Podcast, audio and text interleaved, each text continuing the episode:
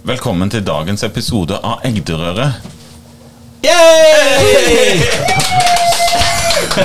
Og Andreas, i dag er vi fremdeles på Skonnerten Solrik. Vi har fortsatt ikke kommet oss av.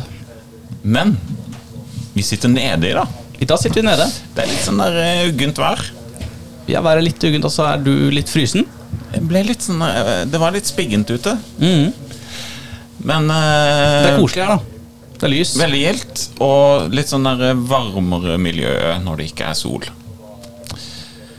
Vi eh, fortsetter trenden med å ha noen gilde gjester, gjør vi ikke? Jo, og igjen gjester i flertall. Ja. Det var veldig gøy å ha flere. Selv om eh, når det er fokus på én, kan det òg bli bra. Som Stien, som var gjest første episode fra Arendalsuka.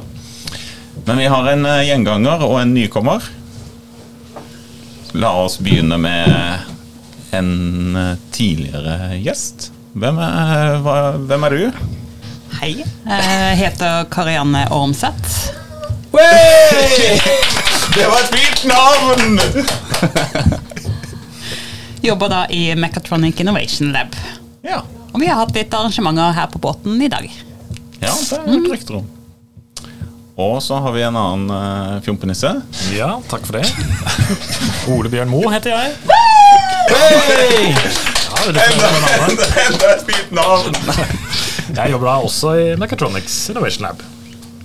Hva er eh, Mechatronic Innovation Lab? Jeg, og jeg har bare kalt det Mile. Det er mye lettere. For jeg tenkte Innovation Lab Ja, det var liksom vanskelig å si alt det på en gang. Men uh, Mil? Ja, Vi kaller det jo, eller vi sier jo MIL, men det er jo ikke alle som eh, vet hva den forkortelsen er utenfor eh, Agder. Nei. Så vi prøver å si Mechatronic Innovation Lab. Ja, Eh, det er en munnfull. ja, det er det. Hva har dere hatt av arrangement på båten i dag, som du nevnte? Vi har hatt eh, to arrangementer. Et som handler om eh, hvordan industriell 3D-print kan ta tilbake produksjon til eh, Norge. Og den har eh, Ole Bjørn eh, holdt litt i og satt sammen et eh, nydelig panel som hadde gode diskusjoner i dag. Eh, og så hadde vi et arrangement etterpå om hvordan eh, SMB og kan ta i bruk kunstig intelligens, og hvordan de skal lykkes med det. Men eh, Mechatronic Innovation Lab og kunstig intelligens, åssen henger det på greip? Har- Er det ikke noe som heter AI Hub òg? Jo, AI Hub er et prosjekt. Ja, det var det, da. Eh, Det, ja, det sa du jo sist. som må- nå jeg- som, nå må du som. Der prosjekteier er Mile. Sånn er det Ja. henger sammen, ja. Ok. Og kunstig intelligens og robotikk og automasjon, mye av det henger, henger litt sammen. I hvert fall for eh, industrien i Norge. Ja. Men nå Industri, industri 4.0, på en måte. Alle de, alt skal liksom pakkes inn i, i den pakka, da. Ja. Og så var det å bringe industrien tilbake til Norge. Nei, åssen var det hang sammen? Ja, det var lokal, eller industriell 3D-print. Eh, der ser vi jo det at eh, den teknologien den eh, åpner for at vi kan eh, ha disse 3D-printerne i Norge. da og levere til norske bedrifter, istedenfor at norske bedrifter skal source det ut til, til lavkostland. Så det er på en måte en, en, eh, et, et potensial som, som Norge har, eh, som eh, vi ennå ikke bruker fullt ut. Så det prøver vi å ja, våkne opp litt, da. Hva slags bedrifter er det som benytter seg av sånn type tankegang? Ja, tradisjonelt, eller så hvis vi ser på utlandet og hvem som har brukt det, så har det jo vært mye flyindustri, medisinindustri, eh, den type ting. Fordi der trenger de lette produkter, komplekse produkter, og det har 3D-printing kunnet bidra med. Men eh, etter hvert som teknologien har modnet, så kan man lage større produkter, man kan lage eh, sterkere produkter. Så nå har f.eks. da maritim næring, olje- og gassnæring, bilindustrien eh, våkna opp. da. Bilindustrien var jo Tyskland, da. De to. Maritim og olje og gass er jo veldig eh, aktuelle industrier her i Norge. og da de trenger jo også reservedeler, og de trenger det ofte fort. Og da kan eh, 3D-printing bidra veldig. Apropos maritim, det var veldig bølget her nå. Ja. Men det kan være fordi at du ikke får fokusert på horisonten. Ja, det var merkelig. Men du sa Men si ifra hvis du blir dårlig, Andreas. Det da. Det da er det to toaletter her nede. Et under der og et nede der. Ja. Du, eh, Norge var ikke De hadde ikke fått ut potensial da, innenfor industriell 3D-printing. Er det, er det noen andre land som er mye lengre foran her, eller er det fortsatt ganske smått? Nei, er, jeg kan ramse opp mange land som er foran oss, eh, dessverre. Eh, altså, Vi trenger ikke gå lenger enn til Sverige før vi ser at det, det er en stor industri eh, hvor det brukes. Men det brukes jo der hvor man har hatt veldig mye mer produksjonsbedrifter. da. Hvor den, den, eh, det er de som på en måte ser at oi, dette kan, dette kan vi bruke til produksjonen, for vi trenger jo også den produksjonskunnskapen som ligger rundt. da. Men, eh, men det vi ser nå, er jo at eh, dette kan En ting er jo det å produsere komponenter, det er det man tenker først med 3D-printing. At man skal lage en komponent kjapt, så man kan lage den kompleks. Men hvordan det også påvirker miljøet og sikrer leveransekjeder. Det har vi jo sett nå i korona, at hvis man skal ha reservedeler eller noe som er litt vanskelig å få tak i, så kan du vente månedsvis. Da. Det er de to aspektene, miljø og leveransekjeder, hvor 3D-printing da virkelig kan bidra. og da, da, det, da, må vi bygge det opp i Norge, da, til tross for at vi ikke har, har gjort det, uh, ja, hatt det fokuset før. For når jeg prøver å dra det inn til min, mitt tech-hode, så jeg tenker litt rundt da, er bruken av cloud i sånn min verden. Og så tenker jeg litt sånn der edge devicer. Sånn at du da liksom har en sentral plass hvor du produserer Du har kapasitet, veldig kapasitet, produserer mye, mye datakraft, og så kan du ha disse 3D-printerne, eller vi har noen sånne edge devices f.eks. ute på en båt, da, hvor det er dyrt å sende datatrafikk. Mm. Så venter du til du kommer til havna med å dumpe mye data av gårde, f.eks. Ja. Så det er jo det passer inn i uh... Det er egentlig en veldig god uh, metafor for Eller analogi. Jeg vet ikke hva forskjellen på de to er. Men, ja. men uh, jeg er motstander av begge, fordi det fordomifiserer så veldig det komplekse i det. Men ja. Nei, men den, det er et veldig godt bilde, da. La oss ja. bruke bilde. for i, i 3D-printverdenen så bruker vi også å snakke om muligheten med digitale varehus med reservedeler. Tradisjonelt så har man et fysisk varehus der man lagrer alle reservedeler på hyller, og håper jo at de aldri trengs. Men, mm. du, men du, må ha de der. Du må ha kjøpt det inn, og du har låst kapitalen sånn sett. Det vi snakker om nå, er å ta designet og alle kravene til disse delene, laste det opp i en, en, cloud.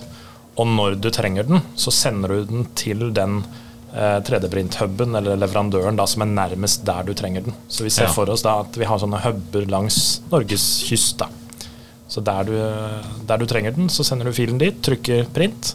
Så, så får du reservedelen din der du trenger den, istedenfor transport eh, fra, fra, Asia og ja, ja, alt det der.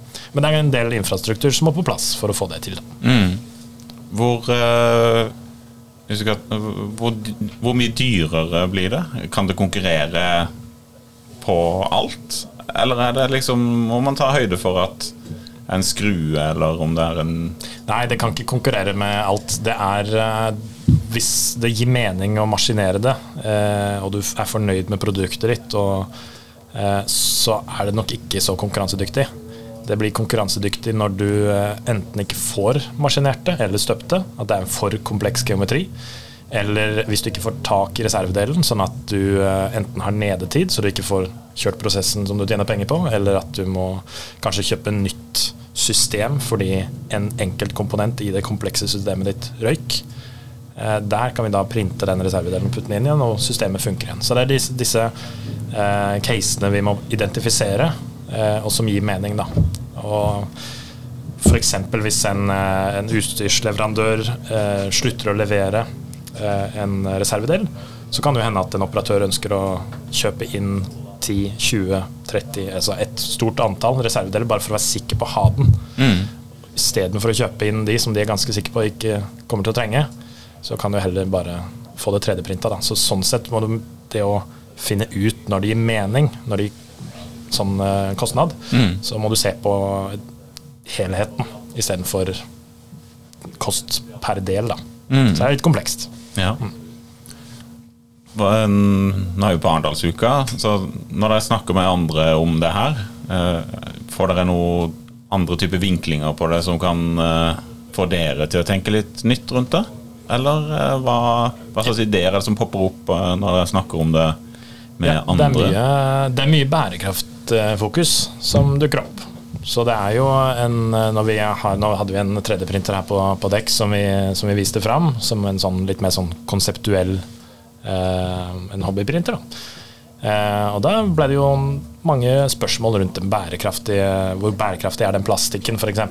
Mm. Eh, og der eh, Den er jo Plastikk er plastikk, på en måte. Den er ikke noe mer nødvendigvis noe mer bærekraftig enn en annen, annen type plastikk, men med 3D-printing så kan du jo bruke mindre plastikk til å eh, oppnå samme mål. da.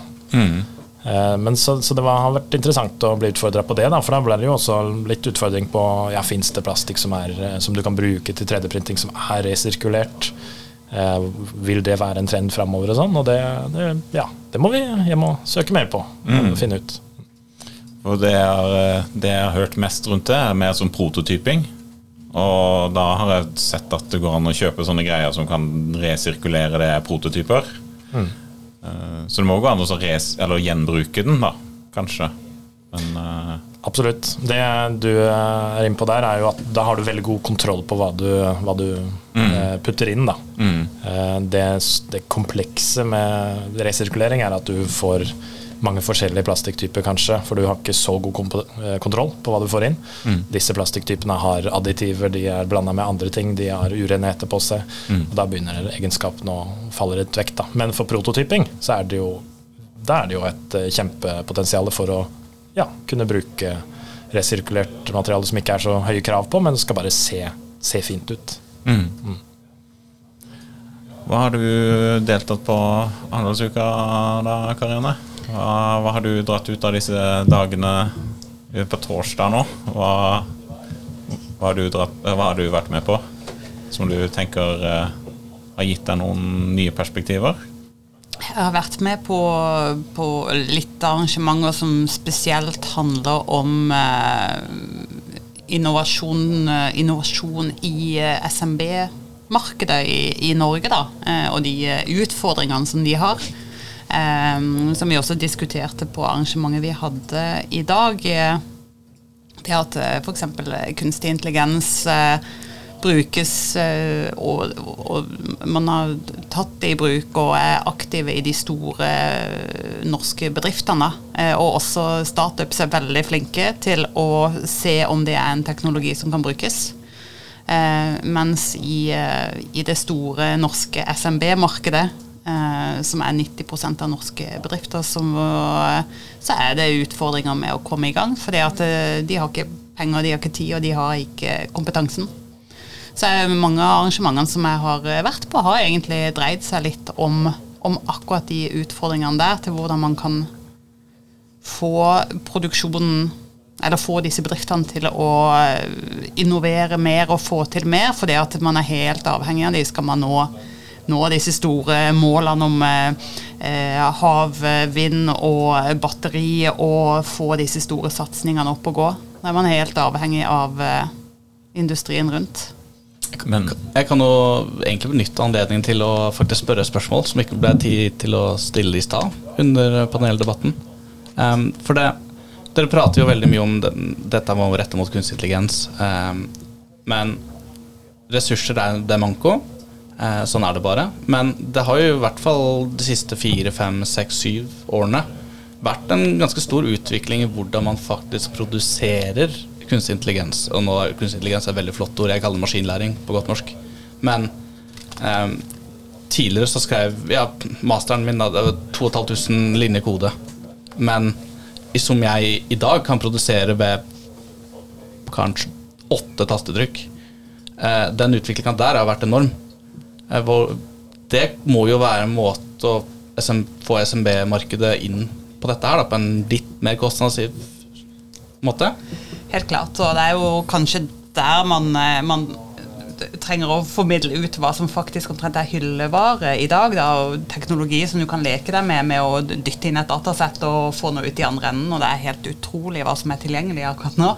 Eh, Testa ikke du litt, eh, Ole Bjørn? Hva var det sendt over til deg? Det Nei, det husker du ikke. Men du leker deg mye med Dolly. Dolly ja, Dolly. Ja. Det var det jeg kom på nå. At det her, det må jo, jeg forventa ikke noe spørsmål om uh, kunstig intelligens. Så jeg sovna litt i timen. Nei, men uh, Dolly, det, er- det syns jeg er gøy. Det er mitt på en måte, Nå, er ikke jeg noe, nå driver jo ikke jeg med kunstig intelligens, men, men det var på en måte der jeg skjønte at jøss, det, her er- det her er kult, på en måte. Uh, det er jo da en, en uh, ny algoritme eller ny maskinlæring eller hva man skal si, hvor man kan skrive inn en beskrivelse eh, som kan være helt obskur, og så vil da den algoritmen lage et bilde av det du beskriver. Et bilde som ikke fins i Et, dag. et visuelt bilde, da. Et altså med, bilde. med piksler. Ja. Ja. Og det fins ikke i dag. Det har bare gått gjennom da metadata fra, fra nettet og sett uh, hvordan et bilde ser ut som hvor metadataen sier uh, elg i solnedgang, liksom. Og så ok, der er elg i solnedgang.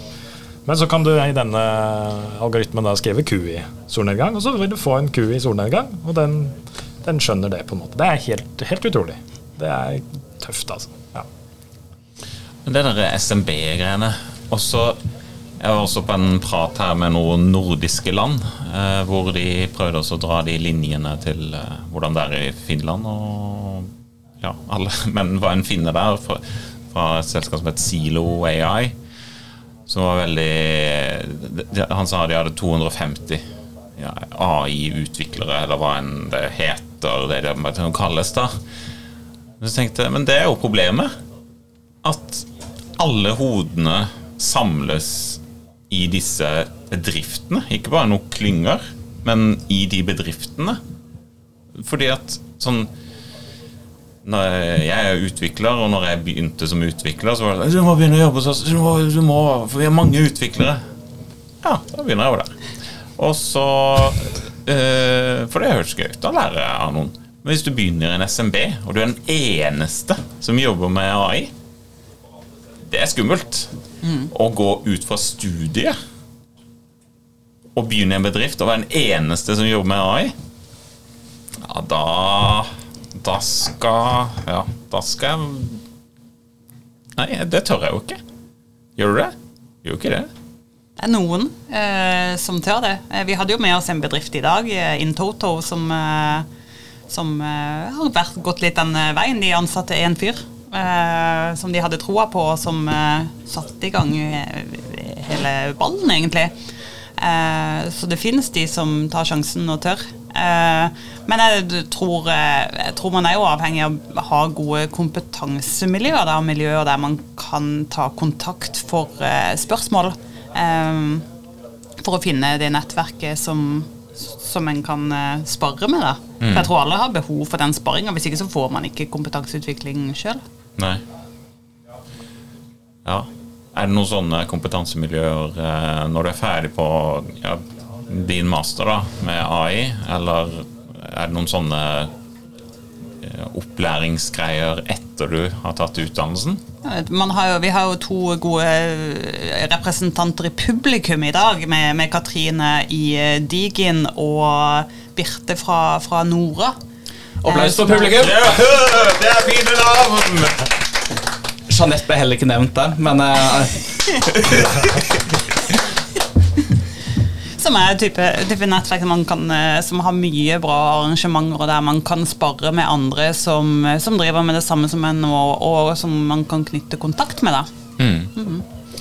Ja, det, det er jo utrolig. Jeg har også jobba i startups, eh, og den derre veksten og den derre ja, alt det, alt det du lærer på veien, da, som er så mye annet enn selve utviklinga. Hvis du liker det, så er jo det kjempespennende. Ja, hva eh, Jeg hørte rykter om at eh, Eller jeg møtte på Spot der på morgenkvisten. ja, du sa det. Spot, ja. Ja. ja, du møtte han i dag morges, ja. Ja. ja. Eh, så jeg ble jo Det var jo som et gammelt vennskap Eller jeg kjente noe igjen. Tenkte her, eh, han her har jeg sett før. Og så tenkte jeg nå er jeg litt starstruck, for han har jo vært på Nationaltheatret. Det stemmer. Ja. Vi snakker da om den gule robothunden fra Boston Dynamics. Ja. Eh, Åssen eh, passer det inn i milsfæren? Hva, hva er det Spot gjør eh, for dere? Eh, Skaper oppmerksomhet. Ærlig sagt. Så det er egentlig ikke en Boston Dynamics-ting, det er bare en ting som kan gå framover. Det er ikke noe særlig Det er ikke den dyre, da. Det er det er- Vi har ikke kjøpt alt eh, tilleggsutstyr til han, det har vi ikke, men det er en eh, fullverdig versjon eh, av eh, hunden. Det er det. Ja. Hva, men hva bruker dere i, ja, i Grimstad, eller eh, hva, hva bruker kundene deres, eller? Eh, Vi hadde et spennende prosjekt for en, eh, en av Norges største entreprenørfirmaer. Og de testa ut om de kunne bruke Spot til da eh, bygningsinspeksjon. Eh, Så istedenfor å sende en prosjektleder rundt daglig for å ta bilder av alt som har skjedd på en byggeplass, så testa de om, eh, om de kunne bruke Spot med kamera montert på til å gå autonomt rundt etter at arbeiderne hadde gått hjem. Og ta alle disse bildene. Og da laster de opp eh, i skya eh, og se det opp mot eksisterende BIM-modeller, og, og på en måte da kunne, kunne bruke teknologi for å se at, at produksjonen går som den skal, at alt er på, på stell, og, og, og at eh, det ikke er noen risikoelementer som de har oversett. Eh, Så da brukte de vår spot. Kjørte prosjekt med oss. Testa kan spot gå opp disse ståltrappene. Eh, kan spot, eh, Hva skjer hvis spot eh, møter et hinder? Hva skjer hvis spot møter isolasjon i gulvet? Og det ble et bra prosjekt. Vi fant ut at det ville fungere, så de har kjøpt seg en spot nå. Det er kanskje den syvende eller åttende spotten som, som kommer til Norge. Den er de som har gått til anskaffelser. Og de skal først og fremst bruke den i, i tunneler. Automatisk inspeksjon av tunneler. Men, de, men de ønsker jo å ta den i bruk på byggeplasser også. Ja. Han slipper jo å gå rundt med sånn hjelm. Ja, ikke ja. Trenger ikke ha hjelm på seg. Jeg gjør ikke det. Jeg trenger ikke hjelm, jeg trenger ikke kaffe. Nei. Ingenting. Hvor lenge kan han jobbe, liksom? 90 minutter ca. Ja. Så kan han lade en eh, times tid, og så kan han gå 90 minutter til. Altså, så videre. Det er billig. Det er som støvsugeren min. Er det Ikke sant? Ja, nesten. Er ikke 90 minutter. Men han kan ikke gå i trapper, tror jeg. Nei, det kan han ikke. Jeg må flytte den opp. Bære den opp for hver dag. Det, det, er litt, eh, det er nesten noe av det gøyeste å se med spot. Når, når du bare tar joysticken framover, og så møter han en trapp, og så bare fortsetter han å gå opp. Det er sånn It just works. Ja, eh, det, det er ikke alle som, uh, som syns det er fantastisk, men jeg hadde han jo med på digitalkonferansen til, til Digin, eh, og kjørte han opp og ned trappa der, og der sto alle bare wow. For da hadde de som forsto at det kreves en god del å få det, å få det til, da. Det er veldig gøy. Arendalsuka resten av uka. Hva Skjer det noe for dere da? Vi skal være med på et eh, arrangement her på Solrike i morgen. Eh, litt sånn eh, tech-treff for de litt yngre. Så da skal jeg i hvert fall ha med Spot ut på luftetur igjen. Um, Åssen trives Spot på båt? eh, han, jeg tok han ikke om bord. Nei. Nei. Uh, Litt, litt for stor risiko. Det var over den uh, kanten her. Tok ikke sjansen på det. Jeg vel å kjøre han ut på plassen her i morgen også. Gruer du deg til å vise han fram igjen? Lik, eh, forstår folk at det er du som styrer den med en gang? Nei, nei ja, de gjør ikke det. Og det har vært eh, hylende jenter og eh, kjendiser som har tatt, uh, tatt bilde og selfie med den, og eh, den skaper veldig mye oppmerksomhet. da. Hvorfor, um, hvorfor det? Ja, dritkult. Altså, la oss være ærlige. Dritkult. Ja, Er svaret. men, men folk eh, Hva behandler de den som? En kjendis som ikke har følelser? Nei, altså, ja, nesten. Nesten, kanskje. Eh, det det er mange som spør om de kan klappe han. Det Eh, er Oi, altså en. Det er hundekjendis som ikke Ja. har følelser. Ja, eh, det er mange som står og kikker rundt eh, veldig, og så tror jeg ikke de forventer at jeg som står og styrer han. Eh, så, så de blir litt overraska da òg. Eh, eh, og, og så er det noen som blir redde. Ja. Det er det. Men har du fått noen av de konspirasjonsteoretikerne, f.eks.? Ja, det, altså mye mange Ja, sånn redde av eh, at dette er eh, Det- NSA? Disse, det, det, var, det var en som gikk forbi og sa "Eh, dette er de som skal ta over, kommer til å ta over verden, sa han, og så gikk han bare videre. Er det noen andre enn dere som snakker om eh, sånn 3D-printing og sånn? Her på Arendalsuka? De, ja, altså vi hadde jo et uh, ekspertpanel med oss. Så Hvem er det det som er med? og- Der var jo Norske, Norske Veritas var med oss, og eh, Lærdal Medical og Sintef Manufacturing og eh, Ivaldi var, eh, var med der. Så eh, ellers så har ikke jeg sett så mange, mye om eh, 3D-printing her. Så det, det er noe vi ser som vi må, vi må øke, øke Ja, belyse mer, da, framover. Det må vi få til. Og det, ja, vi har jo en gjeng bedrifter som har starta en ny forening som heter Norwegian AM Cluster. Da. AM det står for Additive Manufacturing, som er på en måte på 3D-printing på, på fagspråket. Da. Ja. Så det, den foreninga skal, skal jobbe hardt for å få dette fram på mange måter. Eh, Noe som jeg blir like forfjamsa over hver gang jeg hører på Arendalsuka i år, det er at eh, Metaverse er en sånn ting. Men der er, fordi at det føler jeg det er vi ferdig med å snakke om. Nå skjønner vi at nå må vi bare begynne å lage ting og bruke det. Nesten det samme jeg skulle trodd om 3D-printing. Fordi at vi har jo Jeg har en hjemme. Den bestilte jeg og satt sammen sjøl. Fikk flatpakka en eller annen plass. Vi gjør jo ting ja, kjempegreit. Vi er på jobb. 3D-printer. Eh, Men vi må snakke videre om det for å få folk til å forstå hva det er. Er det fordi fordi at det som er med det metaverse-greiene, er at eh, forretningsledere de skjønner jo ikke bæret. De tror jo at dette er noe helt nytt, men det er jo bare et datapunkt visualisert i en virkelig verden. Så for en teknolog så er det jo ganske greit å forstå hva det er for noe. Men eh, når dere skal prøve å forklare hvorfor det er så lurt å 3D-printe og sånn, hvor, hvor mye må dere forklare? Hva Vi må forklare ganske mye, for det er, eh, det er et inntrykk der ute at dette fortsatt er på hobbystadiet. Eh, og det må vi få vekk. Hobbystadiet er kjempebra, eh, for det, mye av de tankeprosessene rundt det er, er veldig lik. Så det er der man, hvis man ikke har begynt med det, holdt jeg på å si, så det er der man må begynne for, for å begynne et sted med 3D-printing. Men, eh, men det fins jo en, en milliardindustri eh, i det her, med metallprinting og komposittprinting og betongprinting og sjokoladeprinting og altså Husprinting? Husprinting, ja. Det fins masse. Så, så, så vi prøver jo å vise hele bredden av hva som er mulig, og prøve å overbevise med konkrete eksempler. Da. Denne delen ble printa, da sparte bedriften så og så mye. Og det er da disse beslutningstakerne våkner opp. Eh, fordi 3D-printere de, de koster litt, de gode. De, da må du investere, og da må du, da må du ta og, eh, få de som tar beslutningene på, på din side. Da. Og det jo, men det er ja, vi føler jo at når vi er ute og snakker om det, så, så alle, er interessert, alle syns det er kult. Men, Ja. men det stopper når, eh, når liksom investeringa må gjøres. Da At eh, da er man eh, litt redde for å ta risiko, kanskje. Litt redde for å investere i noe som er nytt og ukjent. Og ja, Men er det en stor investering?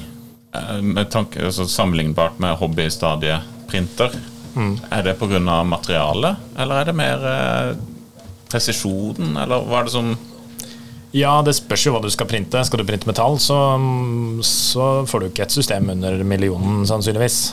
Eh, polymer eller plastikk, så, så får du gode systemer til rundt eh, Som kan brukes industrielt på rundt 100 000. Da. Eh, så det, er ikke så mye som skal til for å komme i gang, faktisk. Men, men det er kompetansen rundt det òg, da. At eh, det nytter ikke å kjøpe en, en printer til eh, om du så har mange millioner på bok så, og kaster de på en 3D-printer, så, så får du ikke brukt den. For det, du må designe komponenter på en ny måte, du må printe på en, en spesiell måte. Så er den, vi må bygge opp kompetansen fra, fra bånn og, og opp. Og det kan dere hjelpe bedrifter med, og både opplæring og endre design og sånt? Ja, det er det vi prøver å gjøre. Så har vi en god del 3D-printere. Så har vi masse 3D-printere. Det er- Så på samme måte som at folk kan komme og så teste ut spot, så kan de komme og teste ut 3D-printing, Ja. og om det er noe for de og sånt. Ja. Teste ut designet sitt. Funker det for 3D-printing, eller hva slags endringer må vi gjøre? Eller teste ut printeren. Kom og bruk den. under veiledning, selvfølgelig, for det her er jo eh, systemer som vi ikke vil at du bare skal trykke vilt på. Men, men vi vil jo at uh, industrien skal komme og ta og føle på det og kjenne på er dette noe vi vil prøve i vår, eh, i vår bedrift. da. Øyvind, Kjempeinteressant. dette her er uh, vår siste dag på Solrik i år. Det stemmer. Har du en siste fun fact? For du lovte egentlig én hver dag. Du har gitt oss to av fire til nå. Ja, eh, jeg kan nevne at eh, min far, han er bankmann, pensjonert bankmann, han har vært på Solrik utrolig mange ganger, med Lillesand Sparebank spesielt. Så det syns jeg Eggdor burde gjenta. Å være på Solrik utrolig mange ganger. Helt enig. Ja. Um, litt sånn avslutningsvis. Um, har vi noe Har vi flere lille gaver igjen? Vi har ikke det, men Ellers, eh, ja, for da må, Hvis ikke vi har det, så må Ole Bjørn komme og besøke oss. Uh, vi har jo kontoret rett ved uh, Mil, uh, for da har vi noe morsomt Ikke morsom. vi har noe til deg, egentlig. Ja, men da kom jeg inn. Har du fått Ta med Karianne, Ja. og så tar vi en kaffe. Og så takker vi for at vi fikk lov til å booke tid hos eh, Diggin sin eh, Solrik under Arendalsuka. Og så pakker vi snippsekken, og så stikker vi med Kia-automobilen til Grimstad. Så begynner vanlig vanlig Yay, arbeidsdag. Grimstad! Så begynner en vanlig arbeidsdag plutselig. Det blir rart. Sommerfest i morgen, da. Ja, det er sant. Vanlig arbeidsdag. Ja. Tusen takk for at eh, dere to kunne komme. Ja. Takk for oss. Kan gjerne komme igjen. Det er jo eh, kort vei. Ja. Ha det!